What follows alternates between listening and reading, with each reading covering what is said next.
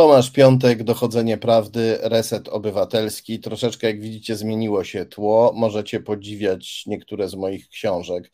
Bardzo się broniłem przed tą modą, która polega na tym, że youtuberzy pokazują książki za plecami, no ale dzisiaj musiałem troszeczkę przestawić pokój i w ten sposób możecie zobaczyć ten niezły chaos, który mam na parapecie, bo parapet mam nad łóżkiem i tam są te książki, które czytam przed zaśnięciem. No, ale nie o moim parapecie dzisiaj rozmawiamy, rozmawiamy o sprawach znacznie poważniejszych.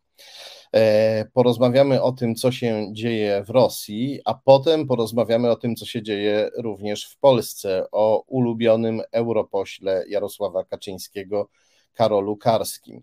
Ale najpierw serdecznie chcę podziękować e, naszym e, producentom, sponsorom, producentowi, sponsorowi miesiąca, e, którym jest Paweł Łuczak i naszemu dzisiejszemu sponsorowi, którym jest Małpiak von Małpol. E, bardzo dziękuję wszystkim, którzy nas wspieracie, także poprzez wpłaty na konto Fundacji Arbitror w serwisie Patronite i na portalu zrzutka.pl też można nas wspierać. No i gorąco dziękuję każdemu, kto daje nam lajka, bo dzięki lajkom jesteśmy bardziej e, widoczni. Więcej osób zobaczy tę transmisję, jeżeli ją teraz zalajkujecie. Więc bardzo dziękuję za każdego za każdego lajka. I zapraszam do studia naszą gościnię Annę Łabuszewską, znakomitą znawczynię Rosji. Powinniśmy się już móc połączyć. Dobry wieczór. Dobry wieczór.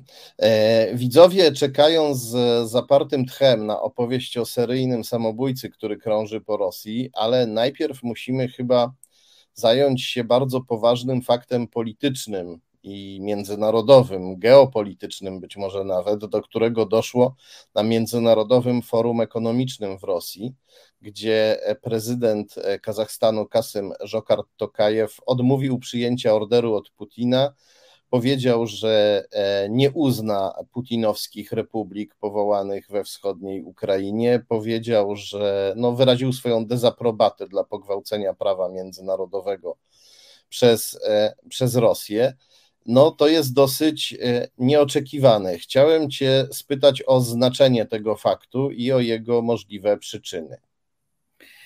Uporządkujmy to, co się stało na Międzynarodowym Forum Ekonomicznym w Petersburgu. Po pierwsze, Rosji bardzo zależało na tym, żeby to było międzynarodowe forum, tak jak było przez ostatnie lata. Rzeczywiście duże wydarzenie, na które przyjeżdżali inwestorzy zagraniczni e, i były negocjowane nowe kontrakty, jakieś e, inwestycje dla Rosji. E, to było bardzo zawsze ciekawe. Rzeczywiście zwykle jeszcze przyjeżdżali politycy, którzy coś ciekawego mówili o jakimś przełomie tym razem właśnie mm, prezydent Kazachstanu był właściwie jedynym mm, wysokiej rangi politykiem, który mm, przyjechał na to forum. E, wziął udział w takim wydarzeniu, dyskusji, która toczyła się na oczach publiczności, dyskusji z Władimirem Putinem po przemówieniu. E, I tutaj warto zauważyć, że osobą, która była, która prowadziła tę rozmowę, tę dyskusję, była Margarita Simonian.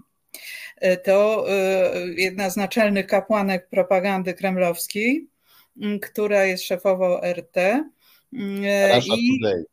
Russia Today, no kiedyś tak to się nazywało, teraz tak, ja przypominam, bo nie wszyscy kojarzą te dwie litery. Tak, dziękuję za to przypomnienie. E, I ona no, zadawała takie pytania, jakie miała zapewne ustalone w scenariuszu, ale coś w tym scenariuszu rzeczywiście poszło nie tak, jak e, można się było spodziewać.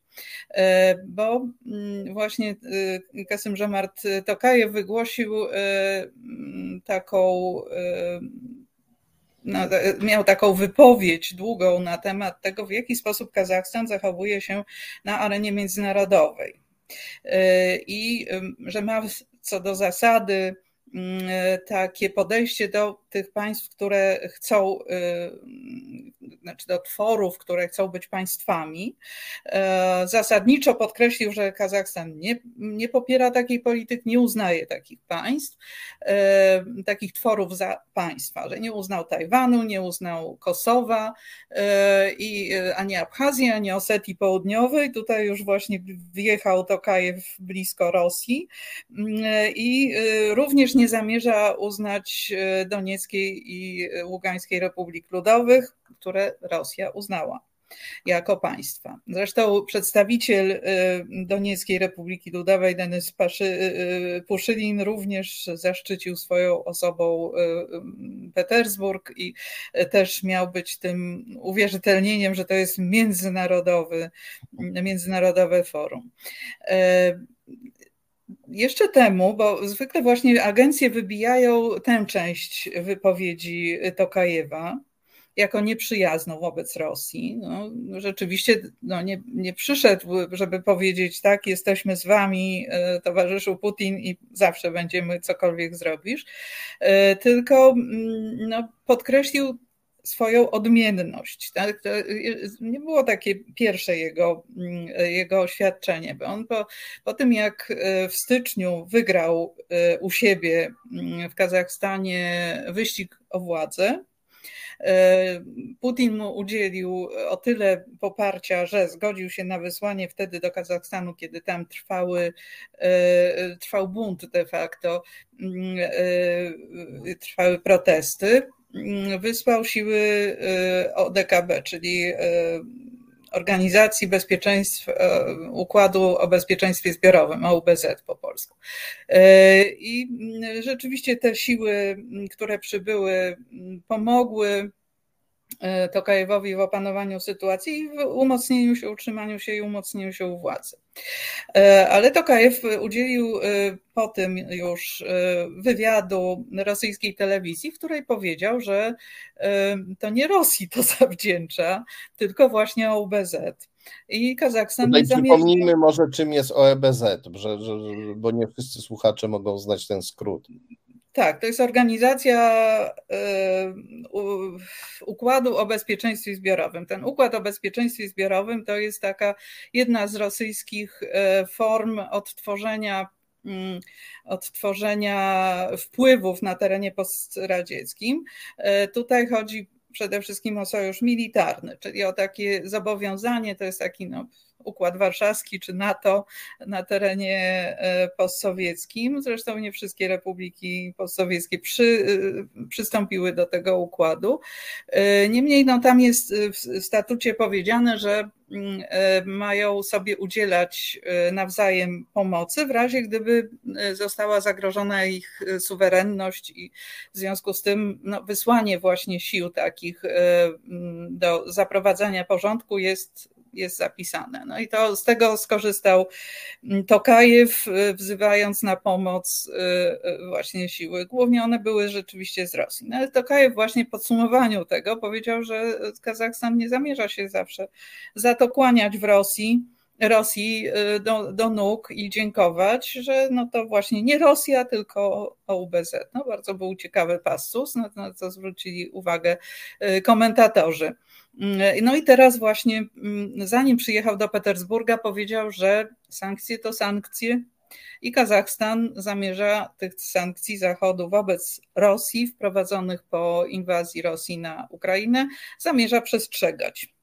E, no to tworzyło takie tło. Teraz jeszcze wrócę do innego rysu tego tła, mianowicie postaci samej pani Margarity Simonian, o której wspominałam. E, ona, jej e, mąż, też taki propagandysta, patriota, mm, on się nazywa Tigran Keosayan, miał taki speech jakiś czas temu, który przypominał o tym, że Kazachstan to właściwie nie jest państwo, że e, powinien, powinny władze Kazachstanu o tym pamiętać e, i że mm, no, Rosja, północ, północ Kazachstanu jest, e, to jest, to jest obszar zamieszkany przez ludność rosyjskojęzyczną. No ale w każdym razie bardzo taki nieprzyjemny, powiedziałabym, że nawet chamski sposób się wyrażał pod adresem mm, sojusznika. No i tutaj mamy. Postraczył rozbiorem.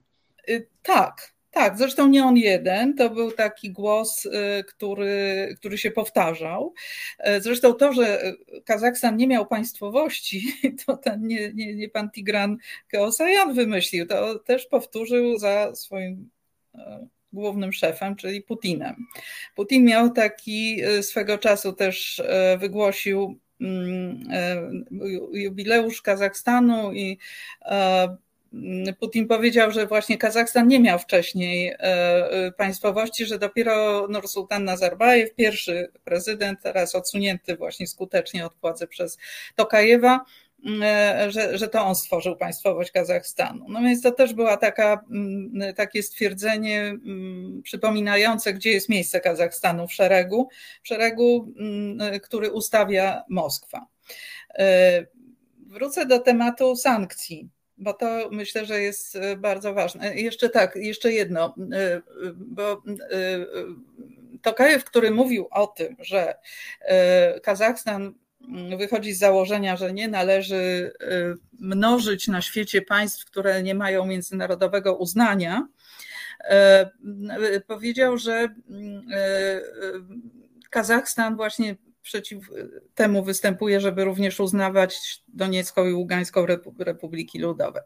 Ale nie powiedział, że Rosja w ten sposób pogwałciła prawo międzynarodowe. Nie wspomniał też o tym, że Rosja właśnie pogwałciła prawo międzynarodowe mm, e, e, jeszcze w 2014 roku, kiedy się dopuściła aneksji Krymu, a teraz dokonując agresji e, na, na Ukrainę, więc tego tak, nie tak, było. Oczywiście nie, nie, nie powiedział tego wprost, natomiast mówił dużo o prawie międzynarodowym, które powinno chronić integralność państw. No i z tego słuchacze mogli wywnioskować, że on tu aluzyjnie krytykuje poczynania Rosji w tej dziedzinie. No to coś w tym było rzeczywiście.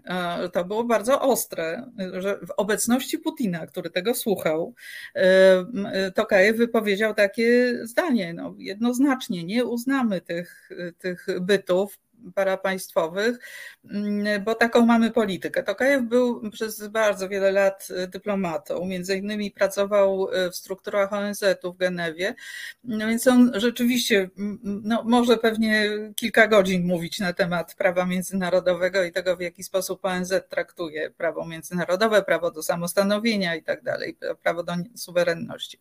Mm, e, e, I, no i tutaj też też w Petersburgu o tym, o tym bardzo, bardzo dużo mówił. E, ale właśnie też e, miał taką wypowiedź, która była pomijana e, przez, przez większość agencji, które informowały o, o tej dyskusji e, na forum, mm, e, to KF się wręcz poskarżył właśnie na to, że rosyjskie media, osoby ze świecznika, ci, którzy są aktywni w mediach społecznościowych, to e, mm, pozwalają sobie właśnie na takie hamskie zagrywki wobec Kazachstanu, grożą mm, i, i się srożą i właśnie też obrażają dumę narodową, narodową Kazachów i tak dalej, więc to było powiedziane, to było osadzone w tym właśnie kontekście, kontekście takich, takich wypowiedzi. A jakie to może mieć znaczenie, bo mm, y, tutaj dochodzimy może do tego, y, o czym y, warto też powiedzieć, że Kazachstan jest mm, tak w grze dwa, dwa ognie. Tak? Z jednej strony jest Rosja, i bardzo mocne związki gospodarcze, e, kulturowe łączące Kazachstan z Rosją i uzależnienie od Moskwy. Z drugiej strony e, są Chiny, mm, wielki gracz w tym regionie świata, zwłaszcza. I, no i tutaj można się zastanowić, czy taki mm, taka wypowiedź Tokajewa mm, no, to, to, to była prowokacja, to, czy, czy to sprowokuje jakieś ostre reakcje Rosji? Mm, no to też można się zastanowić, bo ostra reakcja Rosji to byłaby też no, taki kolejny, kolejny kamyczek y, y, w tej kupce na rzecz y, zbliżenia Kazachstanu z Chinami. Ale też trzeba no. może pamiętać, że, że Kazachstan, jeśli chodzi o społeczeństwo, o takie nastroje społeczne w Kazachstanie, to one nie są prochińskie. Mm, też w dużej części nie są antyrosyjskie. No to było widać podczas tych wydarzeń styczniowych, że, że ludzie w Kazachstanie nie byli antyrosyjscy. Nawet podczas tych protestów, jak znoszono hasła i tak dalej. Nie. Natomiast były wiele lat temu, już myślę, że 10 lat temu, były takie protesty antychińskie i to pewnie się tak bardzo nie zmieniło na korzyść Chin, jeśli chodzi o nastawienia e, społeczeństwa Kazachstanu. Ale jednak prezydent, e, prezydent Kazachstanu chwalił Chiny poniekąd, przynajmniej domyślnie przeciwstawiając je Rosji. Chwalił Chiny jako takie pokojowe mocarstwo. I jeśli chodzi o reakcję, to doszło do mm, takich dziwnych, jakby to powiedzieć, afrontów, niegrzeczności E, Rosja e, ogłosiła, że nie może w jednym ze swoich portów przyjąć e, tankowców z kazachską ropą, bo tam są jakieś niewybuchy, się nagle okazało z czasów wojny, które nie pozwalają nie pozwalają przycumować, a z kolei Kazachstan zatrzymał transporty węgla jadące z Rosji do Chin. I tu się pojawia pytanie, czy Kazachstan by to zrobił nie, nie, nie bez uprzedniego uzgodnienia tego, tego, tego z Chinami. Pojawia się pytanie, czy jednak wbrew nastrojom we własnym kraju prezydent Kazachstanu nie próbuje zagrać kartą chińską, żeby się od Rosji trochę uniezależnić. No to jest tak, że Rosja oczywiście w tej chwili, nawet i przez Kazachstan czy swoich bliskich sojuszników, jest postrzegana jako y, państwo, które powoduje turbulencje, zupełnie niepotrzebne, jeśli chodzi o prowadzenie biznesów. E, Chiny natomiast mogą e, wyglądać na mm, właśnie tak, takie państwo, na które można się orientować przy robieniu biznesów. E, Kazachstan ma niewielkie pole do manewru, ale jednak ma.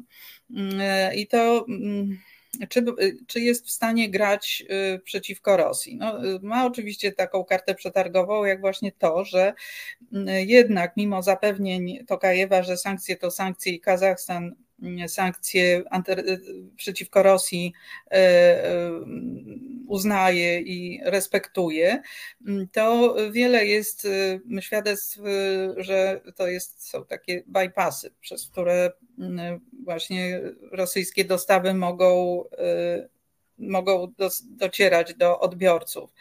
Y, żeby, no bo Kazachstan nie jest objęty sankcjami i kazachska ropa też nie. No tutaj trzeba by tak się tak, tak, ja tutaj dodam, że, jest za ropa, że, że ta opowieść o niewybuchach w noworosyjsku to była taka jakby próba zagrożenia Kazachstanowi dla odmiany rosyjskimi sankcjami, no bo Kazachstan przez ten rosyjski port eksportuje ropę na zachód. Tak, eksportuje i nie wiadomo, co to jest za ropa tak naprawdę jeszcze za mało wiemy na temat tego. To, to jeszcze nie są y, przebadane i udokumentowane, ale już pojawiają się w mediach y, takie sugestie, że Kazachstan jest właśnie tym pasem transmisyjnym, który może pomóc rosyjskim firmom w ominięciu sankcji. Jak mówię, to jest, to jest sugestia. Słucham? Czyli może eksportować rosyjską ropę, udając, że to ropa kazachska. Nie jest to wykluczone. Nie jest to no. wykluczone. A Chiny, no cóż, no Chiny się oczywiście przyglądają. Osłabienie Kazachstanu byłoby, no wtedy ułatwiłoby uzyskanie większych wpływów. Ale z drugiej strony Chiny właśnie są takim państwem, które unikają w każdym razie otwartych zadrażnień.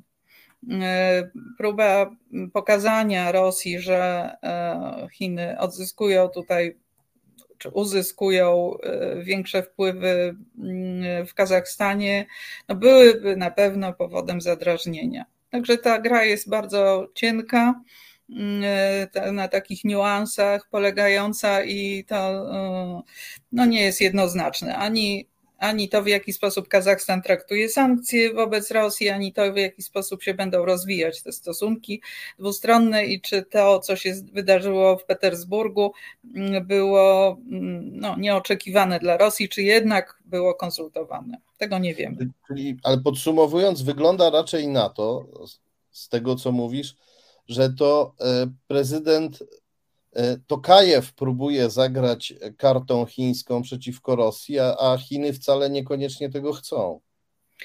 Bardzo możliwe. No to jest, to jest dyplomata wytrawny, który zna te niuanse, ale tak jak mówię, no nie sądzę, żeby to też żeby Rosja chciała jeszcze bardziej y, zaostrzać sytuację, zaostrzać stosunki z Kazachstanem, y, żeby, bo ostra reakcja Rosji mogłaby właśnie spowodować to, że, że Chinom byłoby łatwiej mm, wchodzić w Kazachstan i dobre gospodarcze relacje, polityczne relacje z Kazachstanem.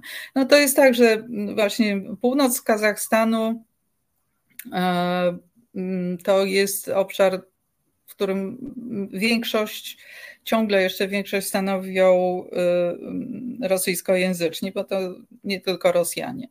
Mm, I to, co się pojawiało w wypowiedziach bardzo wielu y, rosyjskich komentatorów, to właśnie zwracanie uwagi na to, że Kazachstan nie powinien tak podskakiwać Rosji, dlatego że może być następny w kolejce po po Ukrainie.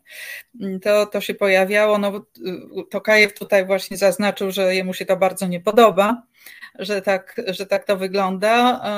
No ale tak, te, ta myśl y, powraca, jest zresztą wałkowana też w tych y, telewizyjnych y, seansach nienawiści w rosyjskiej telewizji, które codziennie są i tak właśnie eksperci, którzy tam się pojawiają, ładują tak.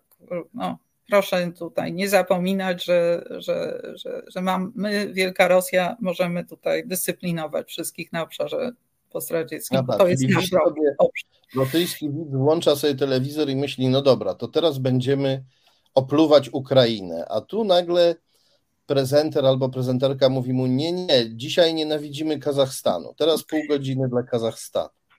Tak, to tak się właśnie odbywa. To jest bardzo nieskomplikowane, jeśli chodzi o przełączanie tego mm, włącznika, chociaż Ukraina cały czas y, jest liderem, jeśli chodzi o, o cel tego opluwania. No zresztą przez ostatnie 8 lat była nieustannym tematem mm, tych quasi debat i, i tak, no już się pewnie też wszystkim opatrzyło, wszyscy się przyzwyczaili do tego, że to Ukraina jest celem, a no, czasu do czasu właśnie warto przewietrzyć studio i pokazać, że i Kazachstan jest takim, może być takim celem.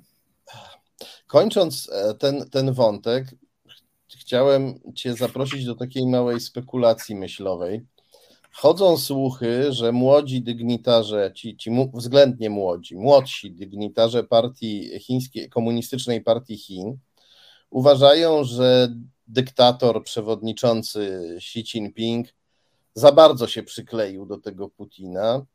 E, Putin psuje biznes, Putin e, przeszkadza nam w robieniu biznesu, te zadrażnienia właśnie, których Chińczycy nie lubią, no a Putin jest jednym wielkim chodzącym zadrażnieniem.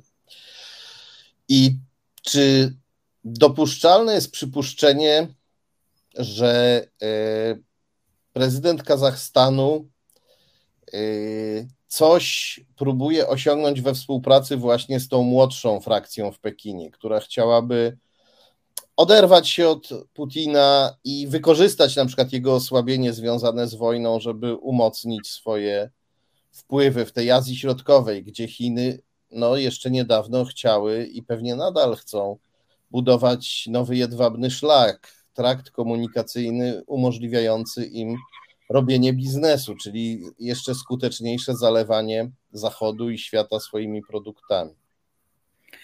No to możemy właśnie pospekulować na tym, tak, czy to y, jest możliwe, czy taki przełom jest możliwy. No, na razie Putin y, nie, nie jest tak osłabiony, żeby można było mm, bez y, bez tego, żeby no, liczyć się z jakąś jego reakcją mocną i niepożądaną.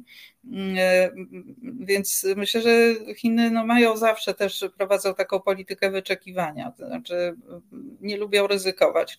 To, że właśnie biznes lubi ciszę, spokój, a nie nieoczekiwane wojny, nieoczekiwane zwroty w polityce, no to wiadomo nie od dzisiaj. Chiński biznes też o tym wie i e, tak, no oczywiście, że ma baczenie na to, co się dzieje i wykorzystuje wszelkie nisze czy, czy luki, które się pojawiają, wyłomy.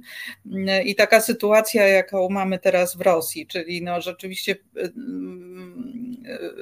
wstrząs, jaki nastąpił po 24 y, lutego i to, że dekompozycja y, gospodarki y, musi nastąpić pod, pod wpływem sankcji, to no jest bezsporne już po czterech miesiącach wojny i po kilku miesiącach trwania tych sankcji. W jaki sposób Chiny się do tego ustosunkują i zechcą sobie zrobić też jakieś poletko doświadczalne albo no, zrobić swoje własne biznesy.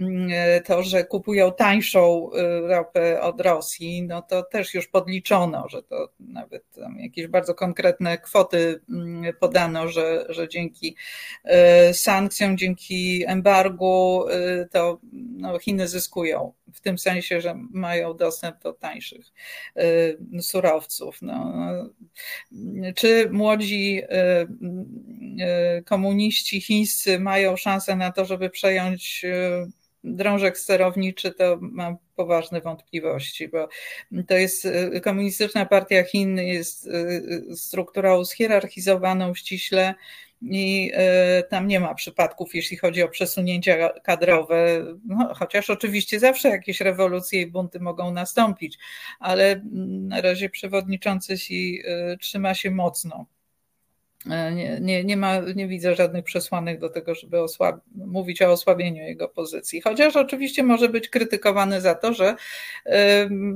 z Putinem jest zblatowany i no, nie przeszkadza mu w każdym razie. Nawet jeśli nie pomaga, to nie przeszkadza.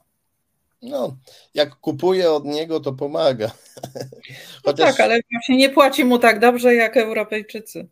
No, więc to jest bardzo osobliwy związek, aczkolwiek on się chyba też moim zdaniem, no trudno byłoby ten związek w obecnej chwili zerwać. Wszyscy byśmy może tego chcieli, żeby ten sojusz osobliwy smoka z niedźwiedziem się e, skończył.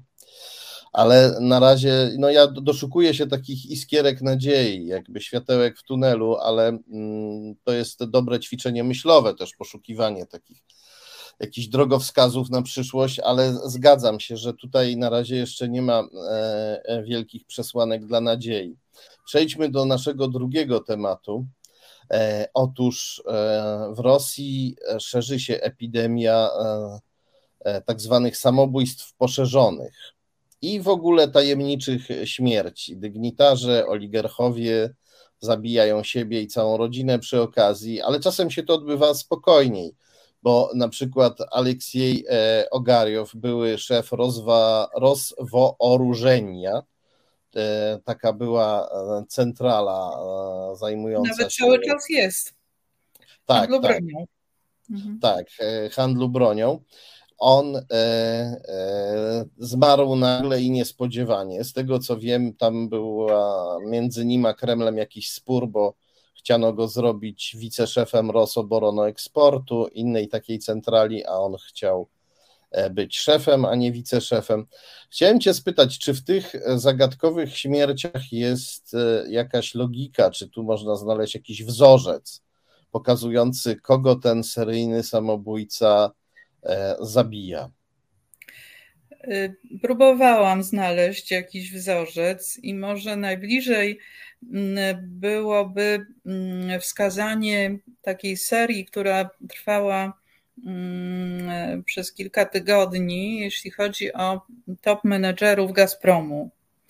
E, doszło, tak jak wspominałeś, do tego, że popełnili, e, no tak, tak oficjalny komunikat głosił e, samobójstwo, wcześniej zabili członków swojej rodziny. E, I e, może najciekawszy był przypadek Siergieja Protosini, który nie był wprawdzie związany z Gazpromem, tylko z drugą taką mm, firmą e, naftową rosyjską Nowatekiem. Do tego tragicznego zdarzenia doszło zresztą nie w Rosji, tylko w Hiszpanii, gdzie mm, Protosinia miał swoją willę. Pojechał z rodziną na święta wielkanocne, i policja zaalarmowana przez syna, który przebywał wtedy we Francji, a nie, nie z całą resztą rodziny w Hiszpanii, znalazła trzy trupy w tej willi, zarąbane siekierą bodajże on działał siekierą, tak, on działał siekierą. Żona i córka i on sam również nieżywy. Nie, nie E, Hiszpanie próbowali e, wytłumaczyć to, śledczy hiszpańscy, e, no ale powstały, pozostali z takimi znakami zapytania, których nie potrafią wyjaśnić, no, że nie ma było listu pożegnalnego, że, że całe, całe mieszkanie było we krwi, a na ubraniu tego podejrzanego sprawcy, samobójcy krwi nie było. No jeszcze kilka innych znaków zapytania, takich, które wskazują, że właśnie samobójstwo poszerzone, ale może jeszcze z czyjąś pomocą. Mm, Protosienia miał e, jeszcze cypryjskie obywatelstwo i był właścicielem cypryjskiej firmy, która też miała jakieś przed, przed tym faktem mm, się pojawiły jakieś kontrowersje wokół tej, wokół tej spółki. E, to jeden przypadek. Drugi, kilka dni wcześniej przypadek spod Moskwy, też wysoki rangą e, top manager, tym razem właśnie z e, Gazpromu. Sięgnę po ściągawkę, Władysław Awajew. Tutaj też poszerzone samobójstwo. Ofiarami były córka i żona, która była na dodatek w ciąży i tutaj się pojawia taki wątek obyczajowy, że e, to, to, ta, ta tragedia miała tło mm, obyczajowe, to znaczy zdrada żony e, z kierowcą, którego Awajew zwolnił, no ale nie pogodził się z tym, że żona była niewierna i w ten sposób skwitował e, całą sprawę. Mm, e, były jeszcze dwa inne samobójstwa, też właśnie dotyczące mm, top menedżerów Gazpromu. E, I one, no te były tylko jednoosobowe, powiedziałabym. Jaki, jaki to mogło mieć związek jedno z drugim, i z trzecim, i z czwartym. Mm, to się wszystko działy, chociaż chyba jedno było w styczniu, a reszta była już po, po 24 lutego, wiązać mogło się z tym, że ci top menedżerowie, którzy mają ekskluzywną wiedzę na temat e, mechanizmów prowadzenia biznesu, e, chcieli tę wiedzę jakoś mm, intratnie sprzedać albo przekuć ją na swoje bezpieczeństwo bezpieczeństwo swojej rodziny e, za granicą być może, mm, e, czyli taki handel wymienny e, proponowali. Jeden z mm, komentatorów, który tam się blisko zajmował właśnie takimi, takimi sprawami, powiązaniami pomiędzy ludźmi, pomiędzy firmami, twierdzi, że to bardzo możliwe, że mm, udaremniły to nawet nie służby specjalne rosyjskie, taki ewentualny, bo to mówimy tylko o spekulacjach, e, e, taki handel wymienny, nawet nie służby specjalne Rosji, tylko służba bezpieczeństwa samego Gazpromu. E, Gazprom to jest gigant, to pracuje pół miliona ludzi. Tam, no i pieniądze się przelewają ogromne również. Nadzór nad tym sprawuje mm, człowiek z najbliższego otoczenia Putina, mm, Aleksiej Miller. E, ciekawe jest też to, że kilka dni temu, dosłownie kilka dni temu, e, ekipa mm, Aleksja Nawalnego, ludzie, którzy z nim e, pracowali, a w zeszłym roku jeszcze, a niektórzy wcześniej, wyjechali za granicę, ponieważ groziły im mm, procesy, groziły im łagry, ale swoją robotę kontynuują. No, oni się w, mm, specjalizują w śledztwach na temat korupcji przede wszystkim, no bo ich fundacja do walki z korupcją no, po to była powołana. Oni się w tym specjalizują, wykony, wykonali niesamowitą robotę mm, pokazując w jaki sposób na przykład eks-prezydent Dmitrij Miedwiediew doszedł do tego, że ma posiadłość w Toskanii, winnice, wille i tak dalej, gdzie ma rezydencję w Rosji, też za, za jakie pieniądze zbudowane. Wyliczyli mu tę rentę korupcyjną. Chyba najsłynniejszym ich śledztwem było pokazanie, w jaki sposób pałac Putina w Gelęczyku nad Morzem Czarnym powstał, też w jaki sposób działała, działał ten mechanizm pobierania korupcyjnych pieniędzy na, ten, na tę inwestycję. E, a teraz e, taki film e, pokazali o Aleksieju Millerze. Też dokopując się, skąd on się wziął, w jaki sposób doszedł do tej godności i w jaki sposób robi interesy. To bardzo ciekawy film. Jeśli macie Państwo półtorej godziny to warto poświęcić na obejrzenie tego. E, no i tak, to są wszystko brudne interesy. To są też interesy, które są.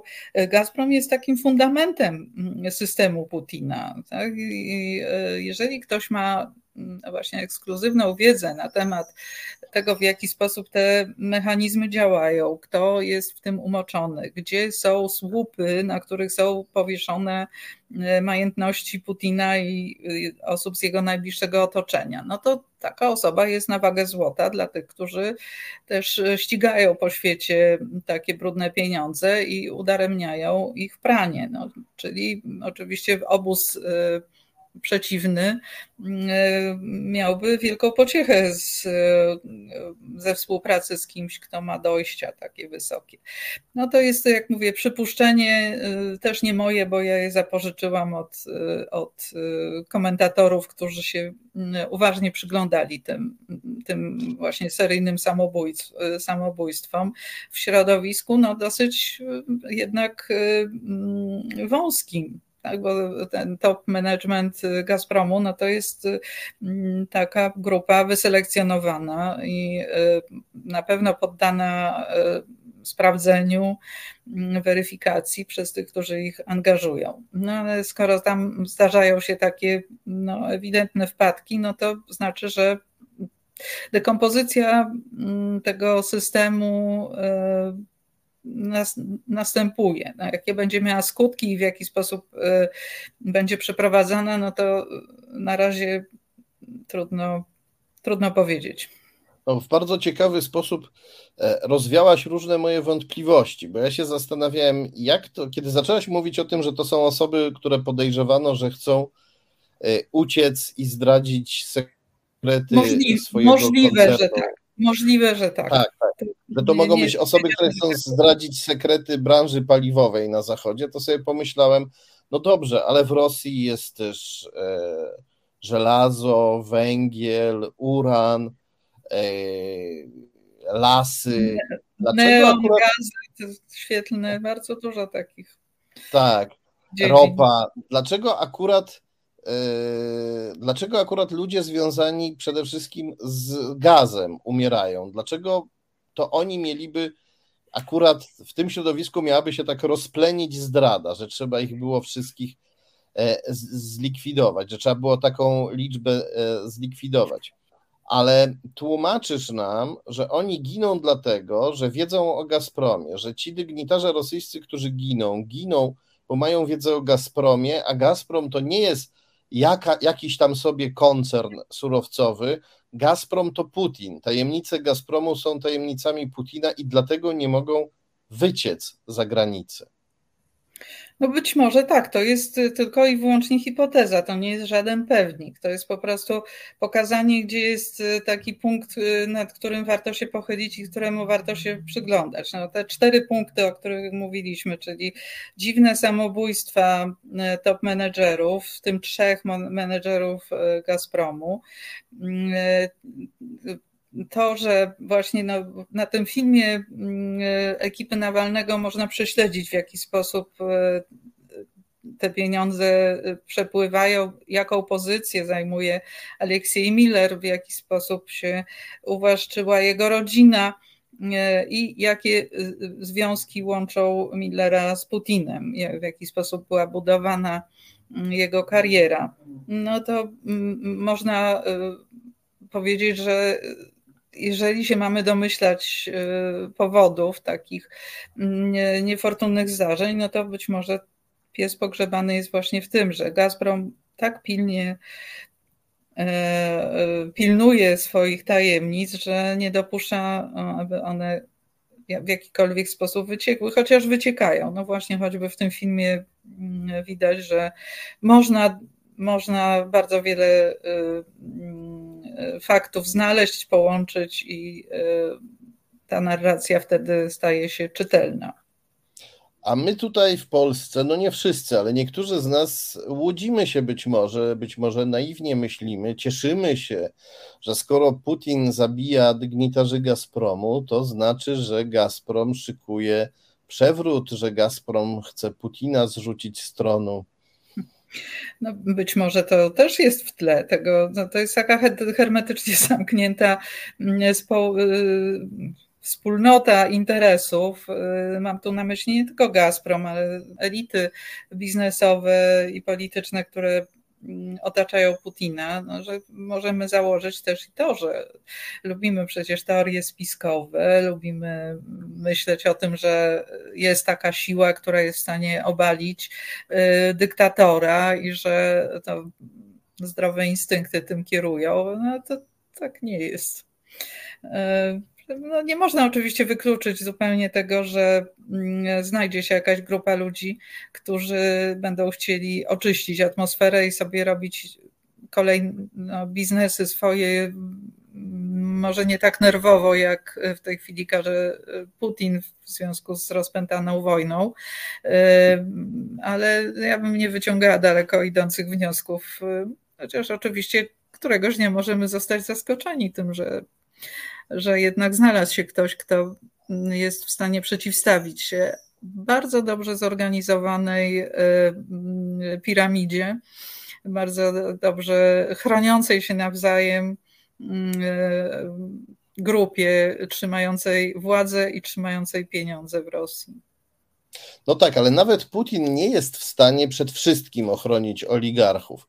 Sankcje Unii Europejskiej doprowadziły już do zamrożenia ich majątków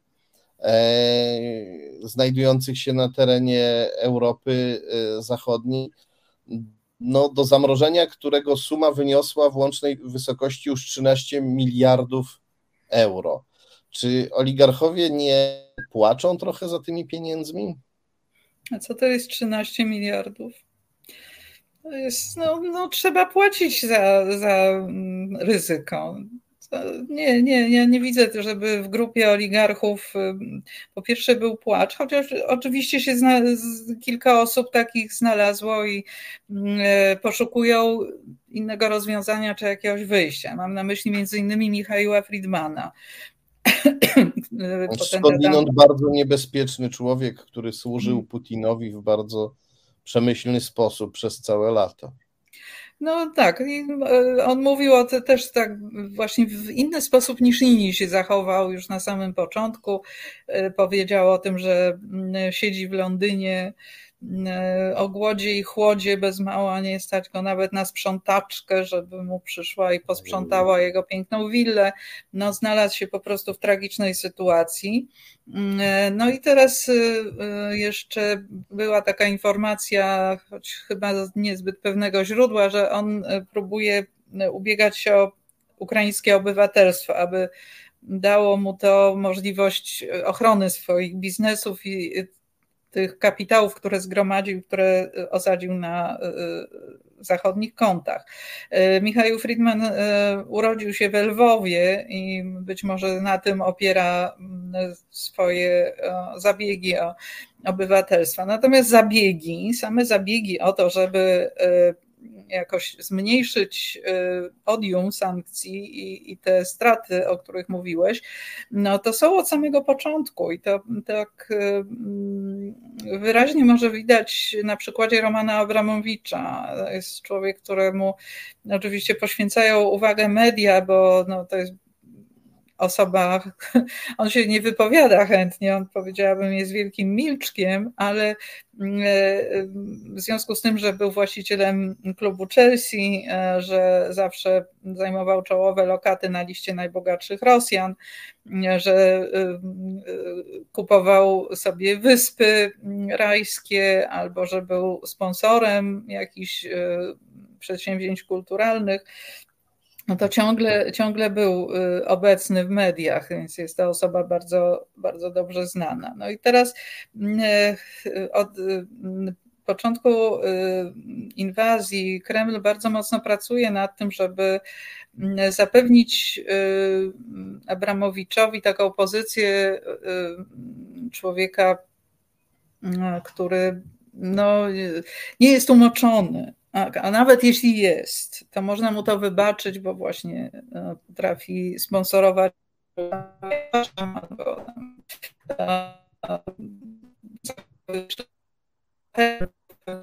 nawet pomiędzy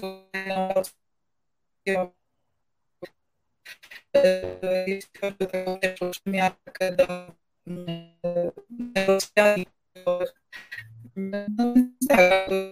próbuję się go w ten sposób powiedzieć, a to byłoby mu możliwość ochrony kapitału, aktywów, aktywów Przepraszam, przepraszam bardzo, mamy chyba małe zakłócenia mieliśmy przez chwilę. Tak, teraz słyszymy się? Teraz się słyszymy, tak. Mieliśmy przez chwilę małe zakłócenia. E, ja powiem, że e, Michaiłowi Friedmanowi też nie ufam. Widziałem, jak przez całe lata on służył Putinowi, równocześnie udając, że jest takim oligarchą e, bardziej zachodnim, udając takiego miliardera intelektualistę, taki typ, jaki na Zachodzie jest dobrze widziany. W Niemczech mówiono, że Friedman to jest ktoś, z kim można się pokazać w Davos na zjeździe miliarderów, no bo jak się tam weźmie na przykład Iszera Usmanowa, no to już trochę wstyd, a pojechać z Friedmanem, no to zawsze jest bardziej e, elegancka, elegancka okoliczność, elegancka alternatywa. Dlatego Friedmanowi też, też, też nie ufam też nie ufałbym. O tak, może tak. Bardzo dziękuję za, e, za rozmowę. E, za rozmowę, z której. Bardzo dziękuję. E, I bardzo serdecznie pozdrawiam. Będę, pozwolę sobie jeszcze zapraszać w przyszłości, bo to rozmowa, z której dowiedzieliśmy się, dowiedzieliśmy się dużo. A my już za chwilę zajmiemy się ulubionym europosłem Jarosława Kaczyńskiego, Karolem Karskim ale to za chwilę. Najpierw, żebyśmy przetrawili to, co usłyszeliśmy i żebyśmy przez chwilę odpoczęli, zanim znowu ruszymy w nasz e, rejs przez informacje, informacje znaczące, ważne i niepokojące. E, poproszę naszego dzielnego realizatora Marcina o chwilę muzyki. Reset Obywatelski nie boi się trudnych pytań, dlatego warto nas wspierać. Zrób to tak, jak lubisz. Przelew zrzutka, patronite lub przez naszą stronę resetobywatelski.pl. Tomasz Piątek, Dochodzenie Prawdy, Reset Obywatelski. Serdecznie pozdrawiam wszystkich oglądających, komentujących, udostępniających i lajkujących. Przypominam o łapkach, przypominam, że każdy lajk sprawi, że, e, sprawia, że więcej ludzi może zobaczyć te transmisje i poznać informacje. Informacje bardzo e, ważne, istotne no i takie, które niestety nie trafiają mm, często do mainstreamowych mediów. Nieczęsto w mainstreamowych mediach można posłuchać takiej e, rozmowy jak e, ta, którą odbyliśmy właśnie z Anną Łabuszewską, która znakomicie zna, zna Rosję, Rosję i przyległości, Rosję i kraje przylegające, jak mogliśmy się dzisiaj przekonać.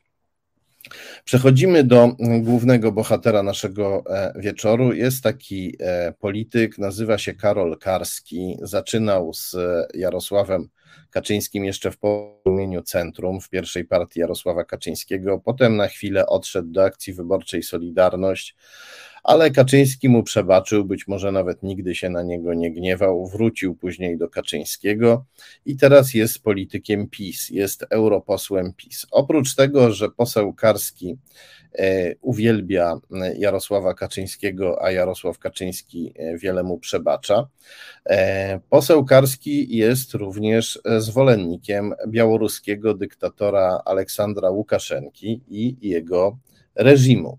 Poproszę o skan numer jeden, który przygotowałem na dzisiaj. E, to jest e, wypowiedź e, posła, europosła Karskiego, który się tytułuje profesorem. No ma tam ma tytuł. Można powiedzieć, że jakiś tam tytuł do nazywania się profesorem ma. Więc on tutaj występuje jako profesor Karski, który mówi dla ultrakatolickiego portalu Fronda, że czas wyciągnąć rękę do Białorusi. No i nie ma tu na myśli białoruskiej opozycji, tylko ma na myśli białoruski reżim. Co dokładnie mówi e, e, Karol Karski.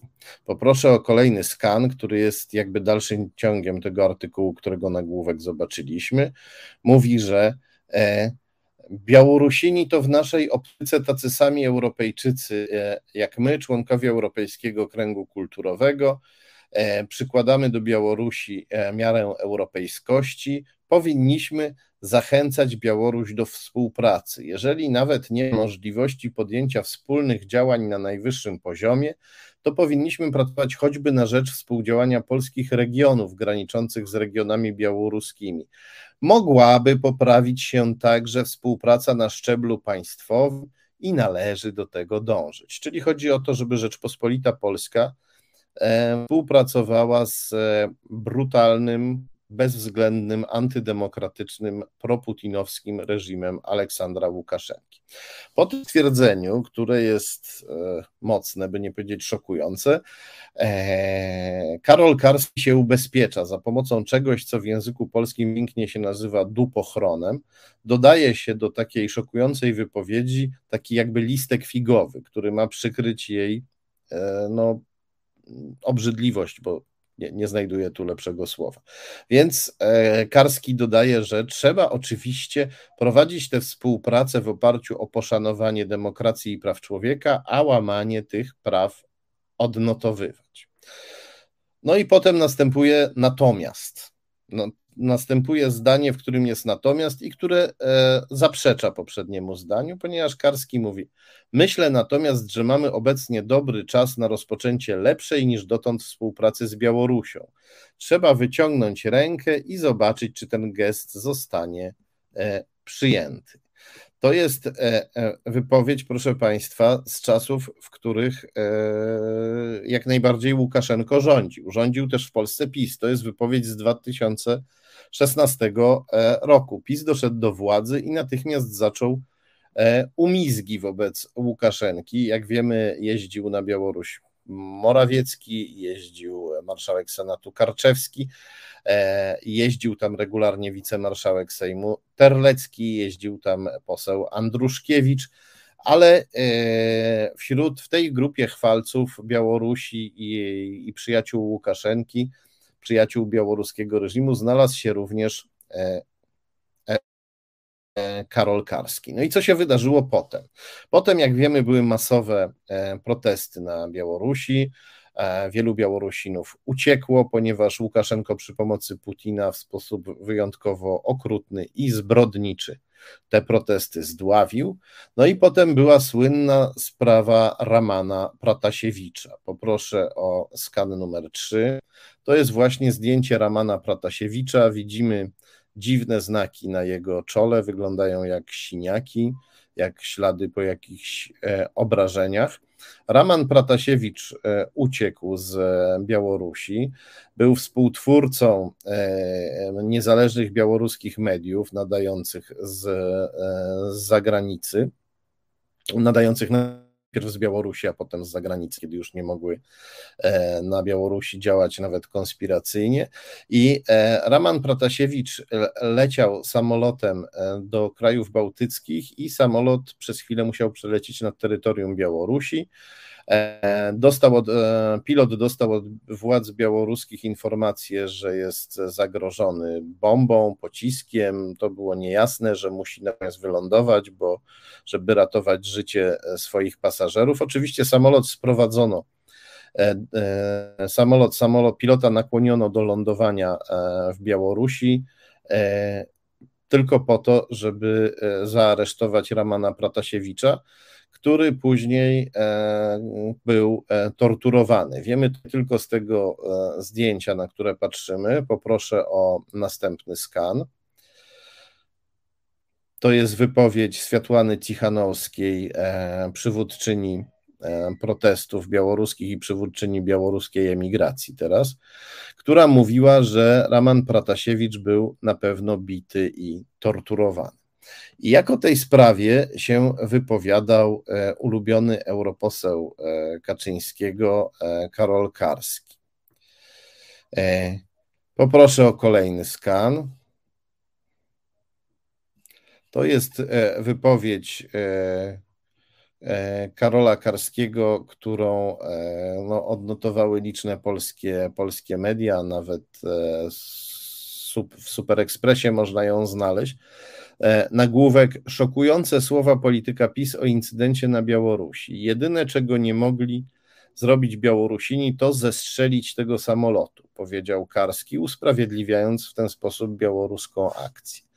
Takie sytuacje mają miejsce nie po raz pierwszy i zapewne nie po raz ostatni w praktyce międzynarodowej, powiedział Karski. I nie chciałbym, by, by źle to zabrzmiało.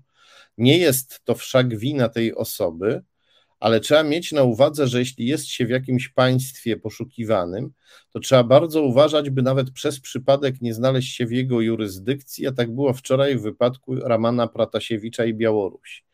Czyli to Pratasiewicz jest sam sobie winien, a, w, w a, a może nie tyle winien, co Pratasiewicz sam sobie zaszkodził. O, mówi, e, mówi nam europoseł Karski. Poproszę o kolejny skan. To jest kolejny fragment wypowiedzi Karskiego. E, Karski, e, to jest kolejny fragment tego artykułu, którego nagłówek widzieliśmy. Karski tutaj mówi: Sprawa jest prosta. Jeżeli samolot znajduje się w przestrzeni powietrznej danego państwa, to zasadniczo podlega zwierzchnictwu terytorialnemu i prawu tego państwa. Tu nam Karski mówi, że znowu nam mówi, że białoruski reżim w sprawie Pratasiewicza zadziałał zgodnie z prawem. Gdyby do tego przekierowania, przekierowania samolotu doszło na podstawie fałszywych, intencjonalnych przesłanek, to byłoby to nielegalne działanie państwa. Jednakowoż możemy teraz snuć tylko domysły. Nie złapano nikogo za rękę. Był, e, czyli tutaj nam Karski mówi, że być może faktycznie na pokładzie samolotu była bomba, albo na przykład reżim białoruski szczerze wierzył, że na pokładzie samolotu jest bomba i dlatego sprawdził ten samolot. Czyli tutaj sobie Karski sam sobie, e, znaczy no, przede wszystkim przeczy absolutnie oczywistości i rzeczywistości. E, jednakowoż możemy teraz snuć tylko dysły, nie złapano nikogo za rękę, czyli być może Łukaszenko, jak reżim w tej sprawie jest zupełnie niewinny. Był alarm bombowy, zapewne sprowokowany, o i tu Karski e, e, przeczy sam sobie, bo przed chwilą mówił, że nie wiadomo, czy czy to, czy to było działanie w złej wierze. A teraz ten alarm bombowy mógł być prowokacją.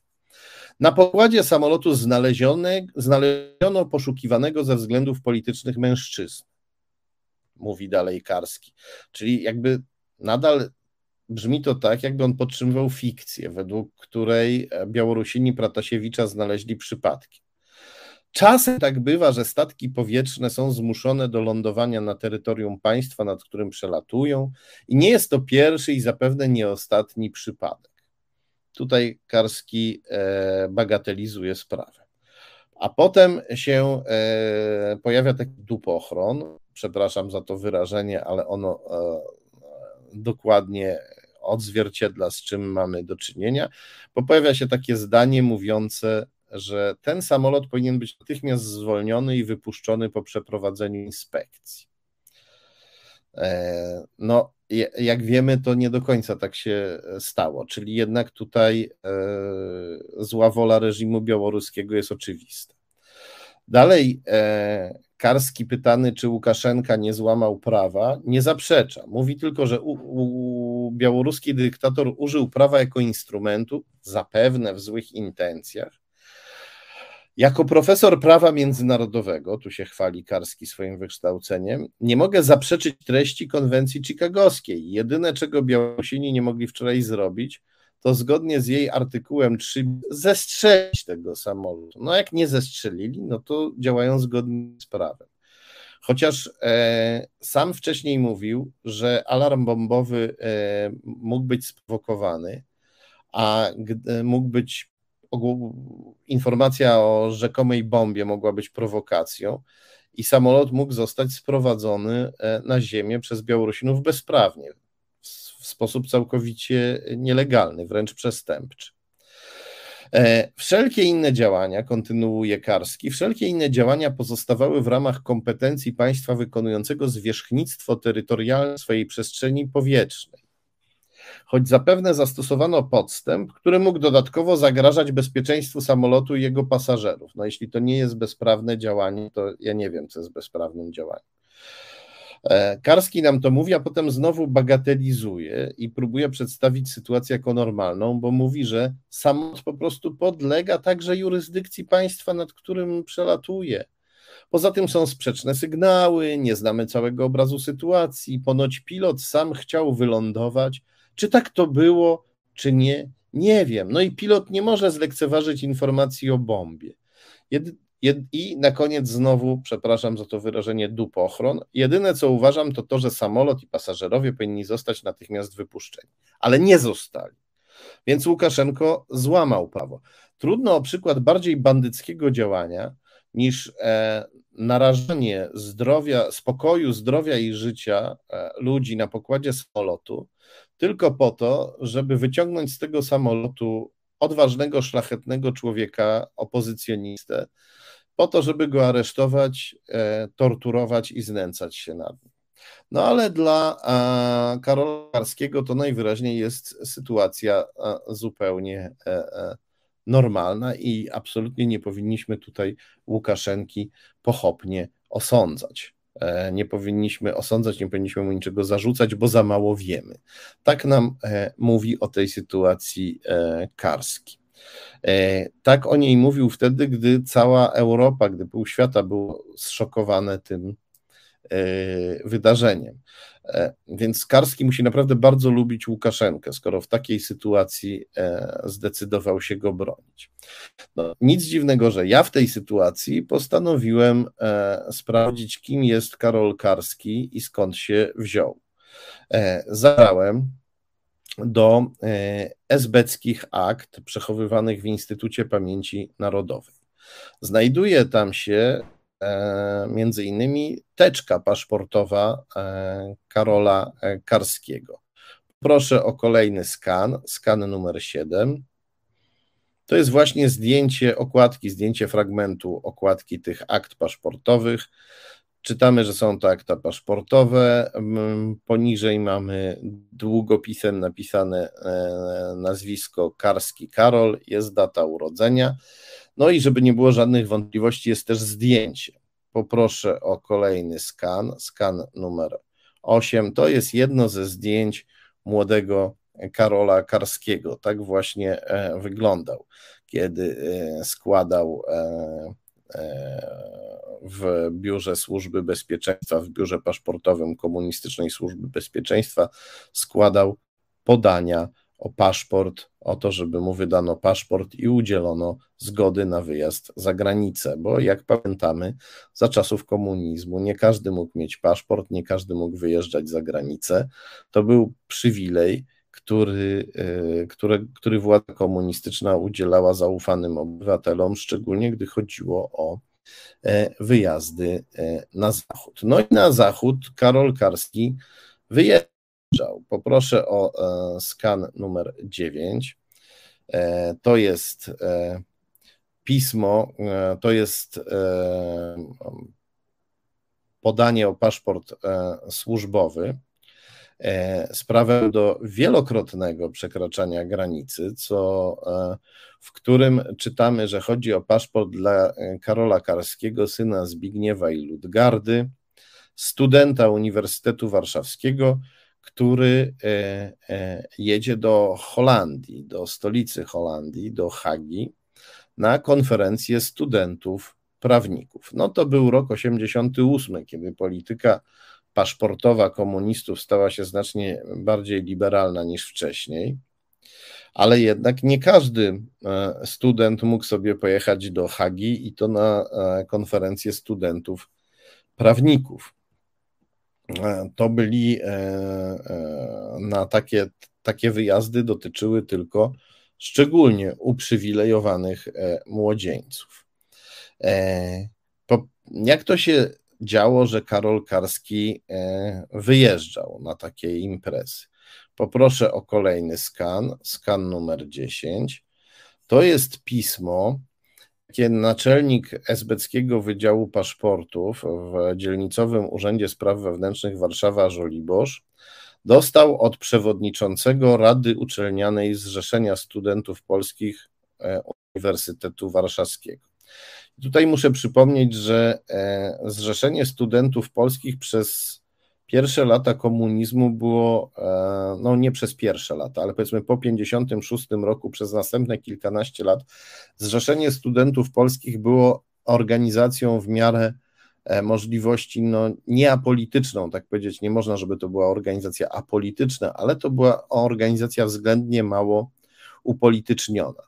Natomiast e, później, e, w drugiej połowie lat 70. i w latach 80., ta organizacja była przez komunistów, została przez komunistów bardzo e, upolityczniona. No i co czytamy w tym piśmie? Czytamy, że przewodniczący Rady Uczelnianej Zrzeszenia Studentów Polskich Uniwersytetu Warszawskiego zwraca się e, do naczelnika Wydziału Paszportów, czyli e, do tego głównego SBK, który wydawał paszporty na Żoliborzu. Zwraca się z prośbą o przyspieszenie wydania paszportu koledze Karolowi Karskiemu. Kolega Karol Karski, jako sekretarz Rady Uczelnianej Zrzeszenia Studentów Polskich Uniwersytetu Warszawskiego, koordynujący działalność naukową, ma w dniach od 27 e, do 30 grudnia 1989 roku wziąć udział w delegacji e, Rady Uczelnianej Zrzeszenia Studentów Polskich Uniwersytetu Warszawskiego na odbywające się w Uniwersytecie w Wiedniu spotkanie przedstawicieli organizacji studenckich. Obecność kolegi e, Karola Karskiego na tym spotkaniu jest dla nas konieczna ze względu na jego przygotowanie merytoryczne. Prosimy o pozytywne ustosunkowanie się do naszej prośby. E, no, dobrze wiedzieć, że Karol Karski był wówczas przygotowany merytorycznie, no bo dzisiaj różnie z tym, e, różnie z tym bywa. E, niemniej pragnę przypomnieć, że już w 1989 roku należenie do komunistycznych organizacji studenckich było czymś no, całkowicie kompromitującym. Od lat na uniwersytetach działało niezależne zrzeszenie studentów. E, podziemne przez lata, ale w 1989 e, roku działało już właściwie jawnie. E, I każdy student, który chciał działać w organizacji studenckiej, mógł działać w organizacji niezależnej w tamtym, w tamtym okresie. Nie musiał działać w kontrolowanym przez komunistyczny rząd Zrzeszeniu Studentów Polskich.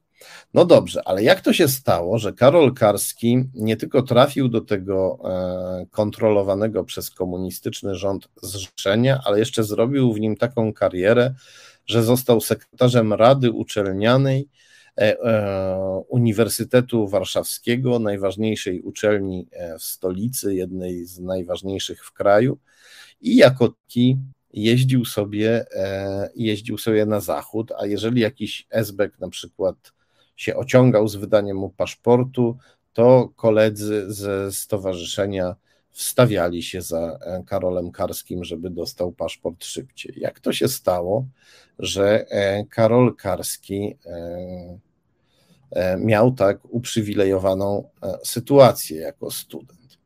Więc postanowiłem sprawdzić, kim był jego e, ojciec. Nie interesują mnie tutaj e, więzi rodzinne, o ile nie wiążą się też z innymi e, więziami. Jeżeli ktoś buduje swoją karierę, na przykład wykorzystując wpływy ojca, no to wtedy to ich, ich więź rodzinna staje się sprawą publiczną. E, w tym zakresie oczywiście, w jakim ktoś e, używa tej więzi prywatnej, osobistej do budowania swojej pozycji e, publicznej. Więc zajrzałem do teczki paszportowej Karola Karskiego, również w te miejsca, w te, obejrzałem sobie również te rubryki formularza, w których jest mowa o krewnych delikwenta i poproszę tutaj o kolejny skan, skan numer 11. To jest e, fragment jednego e, z formularzy, które Karol Karski wypełniał, gdy składał podanie o paszport, i czytamy e, tutaj, że jego ojcem był Zbigniew Karski, emeryt. No, zabrzmiało to tak trochę, jakby to powiedzieć, niezbyt imponująco. Przez chwilę mi się zrobiło żal Karola Karskiego, pomyślałem, że miał ojca emeryta, ale potem sobie popatrzyłem, ojciec urodzony 27 września 1932 roku, e, czyli 50-latek w latach 80., ten ojciec był 50-latkiem, a już był emerytem. Kto wtedy miał takie wczesne emerytury? E, takie wczesne emerytury mieli milicjanci i e, SBC, czyli funkcjonariusze komunistycznej służby bezpieczeństwa, pełniącej e, rolę służb specjalnych i policji politycznej reżimu PRL. No i e, tak się składa, że w katalogu internetowym Instytutu Pamięci Narodowej znajdujemy Zbigniewa Karskiego z Warszawy, urodzonego 27 września 1932 roku. Poproszę o kolejny skan. To jest właśnie fragment e, zapisu dotyczącego Zbigniewa Karskiego, zapisu, który jest dostępny w internecie, w internetowym katalogu Instytutu Pamięci Narodowej. Są to dane osoby z katalogu funkcjonariuszy aparatu bezpieczeństwa.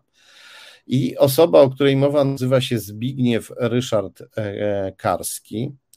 E, urodzona jest 27 września 1932 e, roku. E, więc wszystko, wszystko się zgadza. I ta osoba służyła no, nie tylko w SB, ale służyła w esbeckiej centrali, w najważniejszej jednostce SB, jaką jaka istniała, e, służyła w Ministerstwie Spraw Wewnętrznych, w Departamencie e, Trzecim, który zajmował się walką z opozycją. Zbigniew Karski był tam inspektorem. Był inspektorem w wydziale, w wydziale pierwszym tego Departamentu Trzeciego MSW który, e, e, który, mm, który zajmował się zwalczaniem opozycji. A Wydział Pierwszy tego departamentu, Wydział Pierwszy, w którym pracował, w którym służył Zbigniew Karski, zajmował się instrukcjami i analizami polityczno-operacyjnymi. Tam kierowano e, mózgi, tam kierowano najinteligentniejszych, najskuteczniejszych i najbardziej zmotywowanych do walki ideologicznej funkcjonariuszy. E, co jeszcze mówi nam ten e, zapis? Mówi nam, że, że Zbigniew Karski służył w tej, w tej elitarnej jednostce krótko. Od grudnia 1968 roku do lutego 70 roku.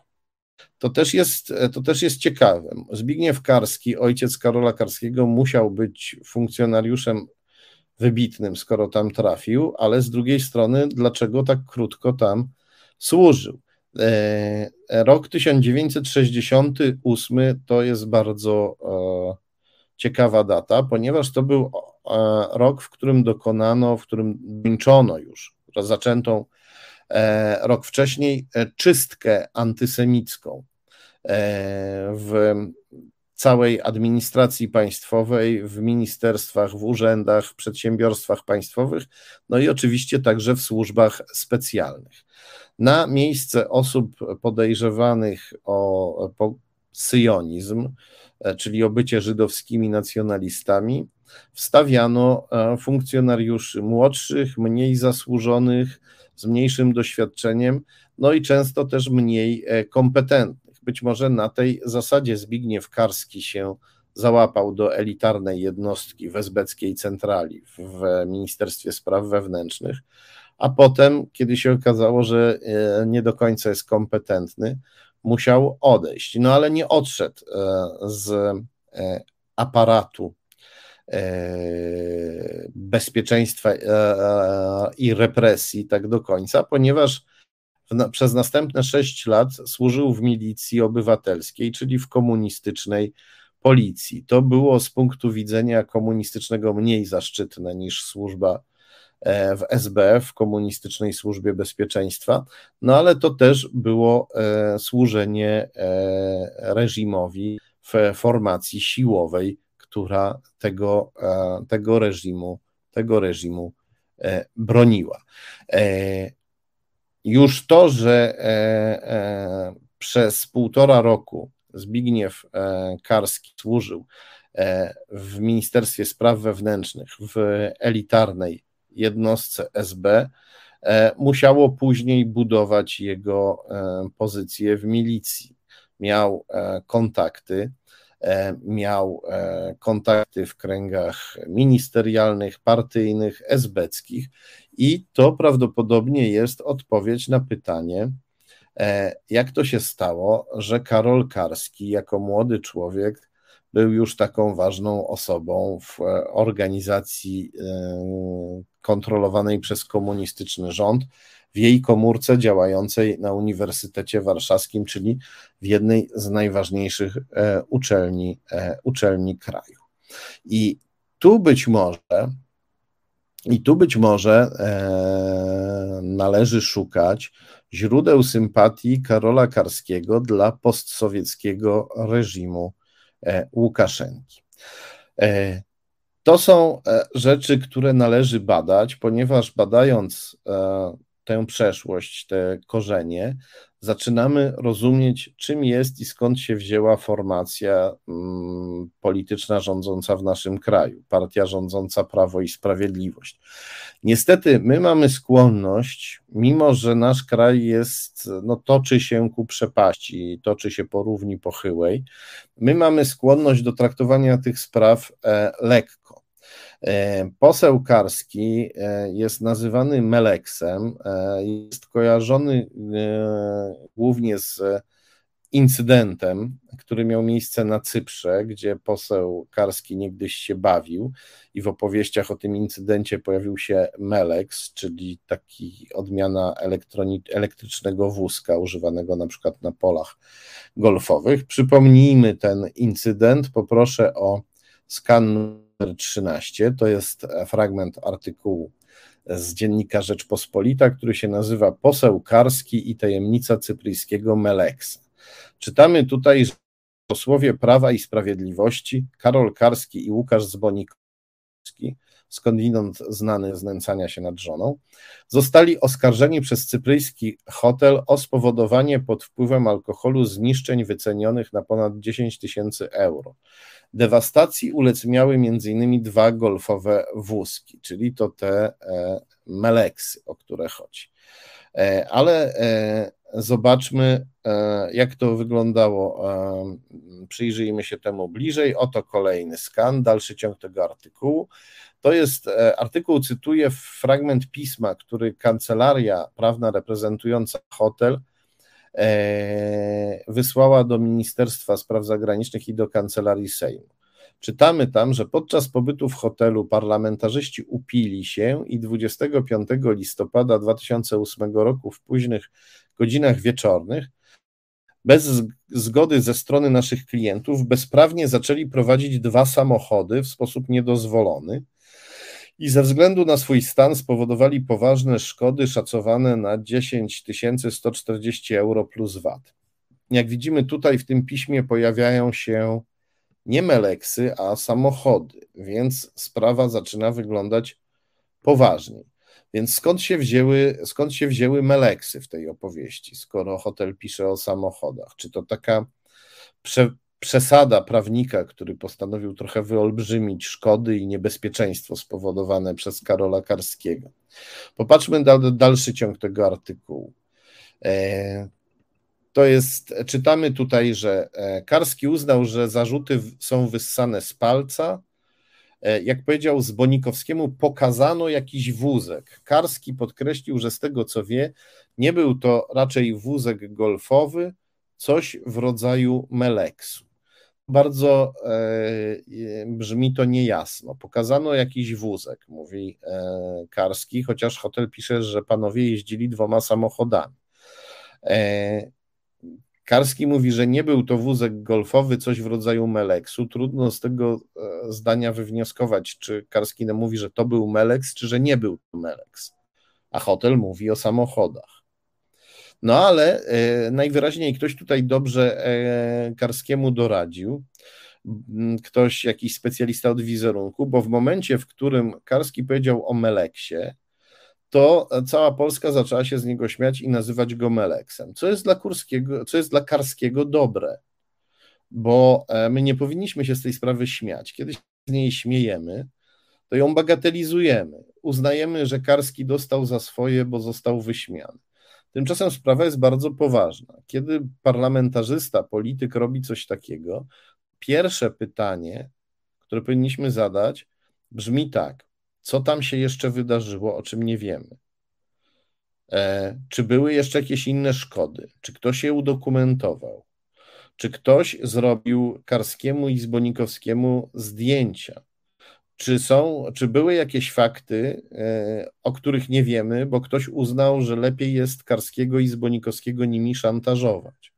Mówimy tutaj o politykach o ludziach, którzy e, mniejszy czy większy, ale jakiś wpływ na losy Polski mają. E, kiedy tacy ludzie przesadzają z alkoholem, nadużywają alkoholu, powodują zniszczenia, popełniają wykroczenia lub przestępstwa, stają się natychmiast łatwą zdobyczą dla obcych służb specjalnych, które mogą takie zdarzenie udokumentować, a potem polityków szantażować. No i oczywiście, jak zawsze, kiedy mowa o e, aferze związanej z PiS, pojawia się pytanie, co na to Jarosław Kaczyński. No i na dole tego skanu, który Państwo widzicie, jest wypowiedź Jarosława Kaczyńskiego. W niewinność polityków swojej partii wierzy prezes Prawa i Sprawiedliwości. To jest wykształcony człowiek z Uniwersytetu Warszawskiego, i uważam, że to jest jednak bardzo mało prawdopodobne, powiedział Jarosław Kaczyński o Karolu Karskim. No i proszę Państwa, tutaj pytanie za milion złotych. Czy my przypadkiem czegoś podobnego z ust Kaczyńskiego nie usłyszeliśmy niedawno? Czy, czy Kaczyński czegoś podobnego o kimś właśnie parę dni temu czegoś takiego nie powiedział? Poproszę o e, skan numer 16. Tak, proszę Państwa. Kaczyński coś takiego powiedział, i znowu jest e, mowa o kimś powiązanym z SB, aczkolwiek e, w przypadku Karskiego mamy do czynienia z powiązaniem pośrednim, rodzinnym. Natomiast tutaj chodzi w tym przypadku o Kazimierza Kujdę, który był po prostu agentem SB, był agentem komunistycznego kontrwywiadu PRL. Teoretycznie powinien zwalczać obcokrajowców, ale e, jak się zaraz przekonamy, e, nie tylko ich zwalczał. E, sąd uznał, że Kujda był kłamcą lustracyjnym, ponieważ twierdził, że nie, jest, że nie był współpracownikiem SB, a był. Sąd e, tak uznał i co na to Jarosław Kaczyński? Jarosław Kaczyński powiedział, że ma na ten temat inne zdanie. Według Jarosława Kaczyńskiego Kujda konfidentem SB nie był. Orzecznictwo sądów polskich jest przeze mnie od wielu lat bardzo zdecydowanie jednoznacznie krytykowane, mówił na konferencji prasowej Jarosław Kaczyński, wicepremier i prezes PiS, pytany o wyrok sądu, który uznał e, Kazimierza Kujdę, doradcę szefa e, Ministerstwa Aktywów Państwowych Jacka Sasina, za kłam lustracyjnego. To jest fragment artykułu znowu mm, zaczerpniętego z dziennika Rzeczpospolita. Na dole widzimy zdjęcie Kazimierza Kujdy. Co jeszcze e, w tej e, sprawie powiedział e, Kaczyński? Poproszę o kolejny skan, skan numer 17, dalszy ciąg tego artykułu. Miałem okazję zapoznać się z tymi materiałami. Mam tutaj inne zdanie. Jak pan z całą pewnością wie, orzecznictwo sądów polskich jest przeze mnie krytykowane, odparł Kaczyński, zapytany przez dziennikarza o e, Kazimierza Kujdę i jego współpracę z SB. Miałem okazję zapoznać się z tymi materiałami, mówi Kaczyński. Chodzi o teczkę Kazimierza Kujdy, właściwie dwie teczki Kazimierza Kujdy dostępne w Instytucie Pamięci Narodowej. Mam tutaj inne zdanie, mówi Kaczyński. No i to bardzo mnie ciekawi, jak można mieć inne zdanie w tej sprawie, bo tak się składa, że ja jestem pierwszym dziennikarzem, który chyba jeszcze na początku 2019 roku przeczytał e, esbeckie akta e, Kazimierza Kujdy. Napisałem o tym artykuł do Gazety Wyborczej, nawet dwa artykuły, jeśli dobrze pamiętam. Poproszę o skan numer 18. To jest, e, to jest nagłówek jednego z tych artykułów, zatytułowanego Co jest w teczce Kazimierza Kujdy. Materiały steczki Kazimierza Kujdy to dwa tomy. Pierwszy to teczka personalna, e, są tam informacje o okolicznościach podjęcia współpracy i o jej przebiegu. Drugi to teczka pracy. Zawiera 105 stron raportów i donosów. Część materiałów pisał własnoręcznie Kujda, któremu SB nadała pseudonim Ryszard. No proszę Państwa, jak wobec tego można mieć inne zdanie w tej sprawie? 105 stron raportów i donosów, których część napisał własnoręcznie Kujda, więc nie można mówić, że to e, ktoś coś spisał, a potem nakłamał, że usłyszał to od Kujdy. To, e, to, co robi Jarosław Kaczyński w tej sprawie, jest kolejnym dowodem tego, że Jarosław Kaczyński e, działa ze złą wiarą i ze złą wolą w sercu. Trudno to inaczej nazwać. To jest jaskrawy dowód złej wiary i złej woli e, Jarosława Kaczyńskiego. Poproszę o kolejny skan, skan numer 19, to dalszy ciąg tego artykułu. Czytamy tam o tym, e, na kogo Kujda donosi. E, konfident kontrwywiadu powinien się głównie zajmować cudzoziemcami i, i nie i nie i się nimi nie yy, i się nimi, się nimi faktycznie zajmował, ale nie tylko nimi. Przepraszam, ktoś do mnie e, zadzwonił, musiałem spacyfikować mój telefon. Nie tylko nimi się e, zajmował. E, tak jak czytamy tutaj w tym artykule i tak jak czytamy w teczce Kujdy, w teczce pracy Kujdy, doniesienia TW Ryszarda, czyli Kazimierza Kujdy, donoszą na przykład dotyczą również Polaków, dotyczą jego przyjaciół i znajomych, dotyczą jego przyjaciela Jerzego Tchórzewskiego. E, mm, chodziło tutaj w tym przypadku o to, że Tchórzewski miał krewnego za granicą, z którym e, korespondował na temat energetyki. Potem w porozumieniu z SBK-ami Kujda sam napisał do tego krewnego, aby zdobyć jego, e, zdobyć jego zaufanie. Dodajmy, że z tej rodziny Tchórzewskich wywodzi się e, pisowski minister energii Krzysztof Tchórzewski, w tej chwili były minister. Człowiek skądinąd też e, związany z Rosją, brat ministra Tchórzewskiego handluje handluje z Rosją, ma firmę AT Trading, która, która, która z Rosją handluje intensywnie. No dobrze, ale to na, to na marginesie. I Dodajmy też, że w żaden sposób nie można uznać e, Kujdy za konfidenta podrzędnego, małoważnego. Powierzano mu bardzo odpowiedzialne misje. Między innymi Kujda został wysłany przez Służbę Bezpieczeństwa do Austrii. Poproszę o kolejny skan, skan numer 21 to jest e, fragment zobowiązania, które Kujda podpisał przed e, wyjazdem do, e, do, do Austrii. Niniejszym wyrażam zgodę na udzielenie pełnej informacji o działalności i powiązaniach korporacyjnych firmy CEW Elektroinstallationen E, znajdującej się pod e, adresem Gasse w Wiedniu podczas odbywania tam e, stażu. No, ten staż nie był, nie, nie był bardzo, nie, nie, nie był krótki. Kujda tam w Austrii działał i pełnił tam funkcje quasi wywiadowcze konfident kontrwywiadu, ale jednak wysłany za granicę. Nie do końca wiemy, co tam robił. Wiemy, że pobyt w Austrii mógł być bardzo ciekawy z punktu widzenia wywiadowczego i kontrwywiadowczego, bo Austria i Wiedeń to było takie miejsce, gdzie intensywnie się ścierały i prowadziły gry operacyjne służby komunistyczne pod wodzą e, Sowietów, działające przeciwko służbom zachodnim, które też tam e, intensywnie, intensywnie działały. E, mimo to Jarosław Kaczyński ma inne zdanie i ono dla pisowców jest ważniejsze niż te wszystkie fakty.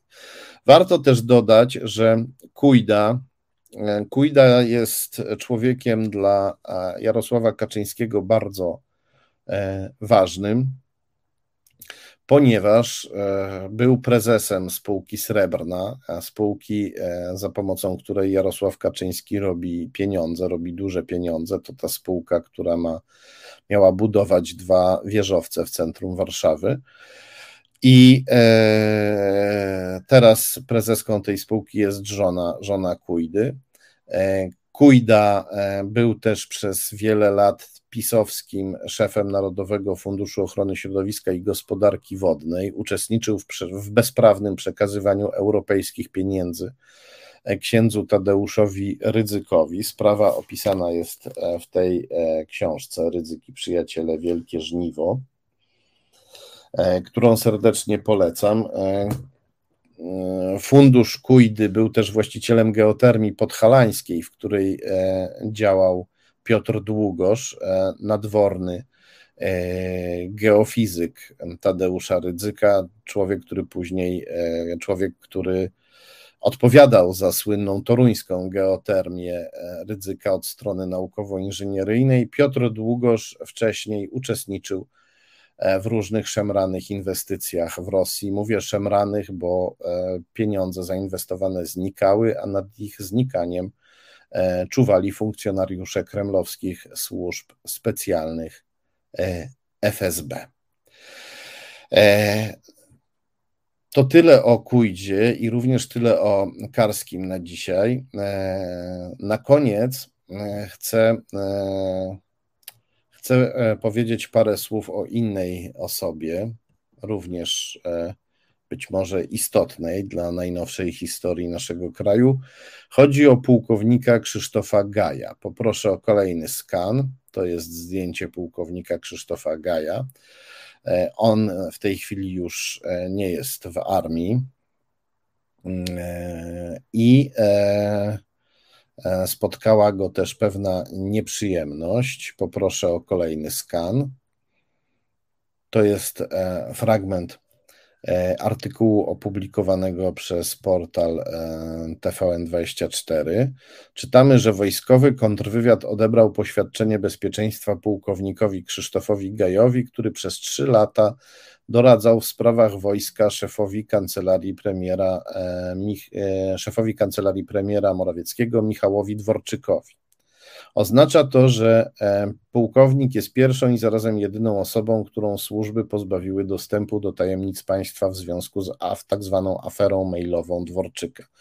Przypomnijmy, Dworczyk i jego koledzy, jego doradcy, również sam premier Morawiecki, e, korespondowali za pośrednictwem prywatnej poczty łatwej do, do schakowania w tej korespondencja miała charakter kompromitujący, zawierała też tajemnice państwowe, tajemnice polskiej armii. E, ta korespondencja wyciekła i e, pułkownik Gaj w tej korespondencji między innymi ujawniał tajemnice wojskowe ale e, jeden jego mail wzbudził e, szczególne oburzenie. To był mail, w którym donosił na kolegów oficerów, że są zbyt proukraińscy, zbyt proamerykańscy, chcą kupować ukraiński sprzęt, chcą kupować amerykański sprzęt dla polskiej armii, co pułkownik Gaj uważał za godne potępienia i najwyraźniej również Dworczyk i Morawiecki uważają kupowanie amerykańskiego sprzętu za godne potępienia, bo e, nie wiemy nic o tym, żeby się w jakikolwiek sposób Gajowi sprzeciwili. To jest bardzo dziwne, bo wiemy, że równocześnie od czasu do czasu pisowska Polska kupuje jakiś super drogi amerykański sprzęt. E, dziwne, ale wytłumaczalne, bo ten super drogi amerykański sprzęt ma być listkiem figowym przykrywającym to, że nasz e, rząd jest w swoich działaniach konsekwentnie prokremlowski. I e, to dobra wiadomość, że kontrwywiad wojskowy odebrał poświadczenie bezpieczeństwa pułkownikowi Gajowi, ale to jest wiadomość spóźniona. Nie tylko dlatego, że maile ujawniono już dawno temu. Jeszcze dawniej, 8 lat temu, pułkownik Gaj e, zadeklarował się publicznie jako ktoś, kto rozumie Putina, popiera Putina, popiera walkę Putina z Ukrainą. Poproszę o skan numer 24. To jest artykuł Faszyści u naszych bram, który e, ci faszyści to oczywiście Ukraińcy, zgodnie z propagandą Kremla. E, pułkownik Gaj w tym artykule przedstawiał Ukraińców jako faszystów, neonazistów. E, artykuł opublikował najpierw e, na swoim profilu facebookowym, potem e, tekst trafił na stronę internetową księdza Isakowicza Zalewskiego, potem został opublikowany przez antyukraiński portal Kresy. Przypomnę tutaj słowa Gaja. Nie jestem rusofilem, podkreślam to stanowczo, ale w tym miejscu doskonale rozumiem Putina, to są faszyści i Putin ma w zupełności rację, z nimi trzeba walczyć, bo Europę z ich przyczyny ogarnie pożoga. To jakiś okrutny chichot historii, że ja przyznaję rację Putinowi i Rosjanom, ale w tej sytuacji nie widzę innego e, wyjścia. I poproszę o e, kolejny skan. Ostatni już, skan numer 25, to jest końcówka tego artykułu. Gaj pisze tak. E, e, Ci ludzie mają na głowach polskie hełmy. Doszło więc do tego, że wyroby polskiego przemysłu zbrojeniowego noszą faszystowskie znaki.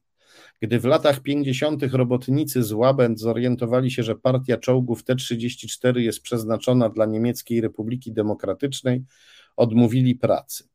No i na dole mamy podpis dr Krzysztof M. Gaj,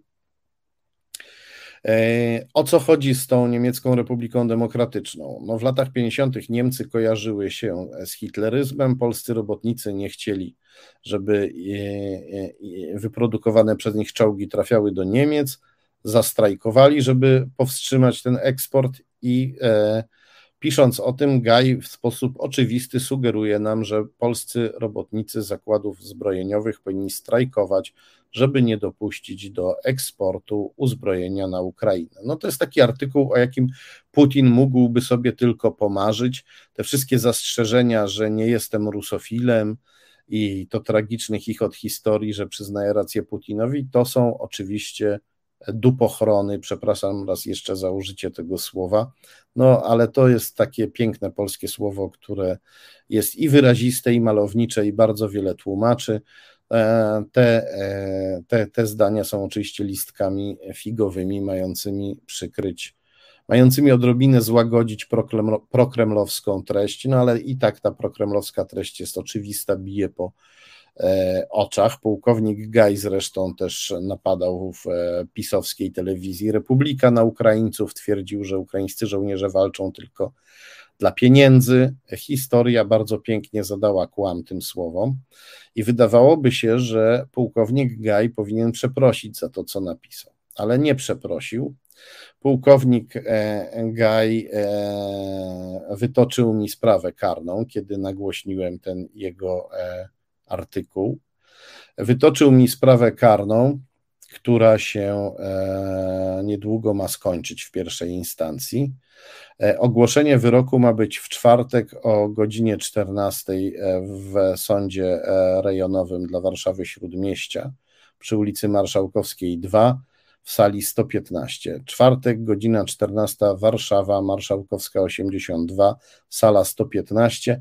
Postępowanie jest tajne, bo postępowanie karne w sprawie o zniesławienie, o to mnie oskarżył Gaj, E, postępowanie karne w takich sprawach zazwyczaj jest, e, jest tajne, ale ogłoszenie e, wyroku, o ile wiem, powinno być, powinno być jawne.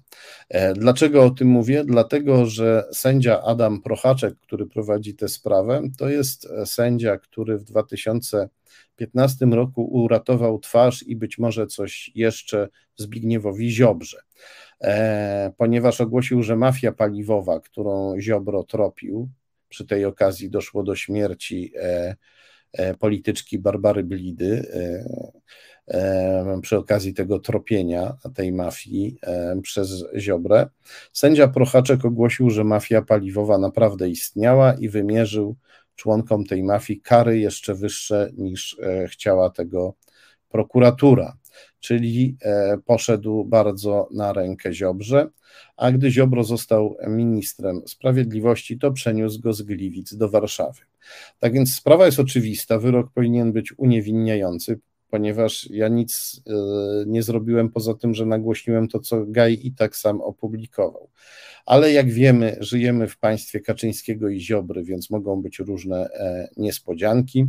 E, gdyby ktoś chciał przyjść, to potem, kiedy ta transmisja się skończy, stanie się filmem, może do niej wrócić, zatrzymać sobie klatkę, zapisać ten adres i tę datę. Czwartek, godzina 14, sąd rejonowy dla Warszawy Śródmieścia, Marszałkowska 82, sala 115. E, gorąco dziękuję każdemu, kto się e, zainteresuje tą e, sprawą i gorąco dziękuję Wam wszystkim, którzy jesteście tutaj ze mną, którzy byliście przez całe dwie godziny albo niecałe dwie godziny, bo nie każdy ma obowiązek słuchać wszystkiego bez przerwy, rzecz jasna. Gorąco dziękuję każdemu, kto dał lajka. Przypominam o lajkach. Im więcej lajków, tym więcej osób zobaczy te transmisje, tym więcej osób e, dowie się, co dzieje się w Rosji, tym więcej osób dowie się, skąd się wziął poseł, e, poseł Karski. E, dlatego gorąco dziękuję każdemu, kto da lajka i każdemu, kto udostępni ten, ten film, link do tej transmisji w mediach społecznościowych. To bardzo ważne. I gorąco też dziękuję E, wszystkim, którzy nas e, wspierają finansowo, bo bez tego nie moglibyśmy nadawać. Można nas wspierać poprzez e, wpłatę bezpośrednią na konto Fundacji Arbitror. Można nas również wspierać przez wpłatę, przez udział w zbiórce prowadzonej na rzecz Resetu Obywatelskiego na portalu zrzutka.pl i można też nas e, wspierać w serwisie, e, w serwisie Patronite.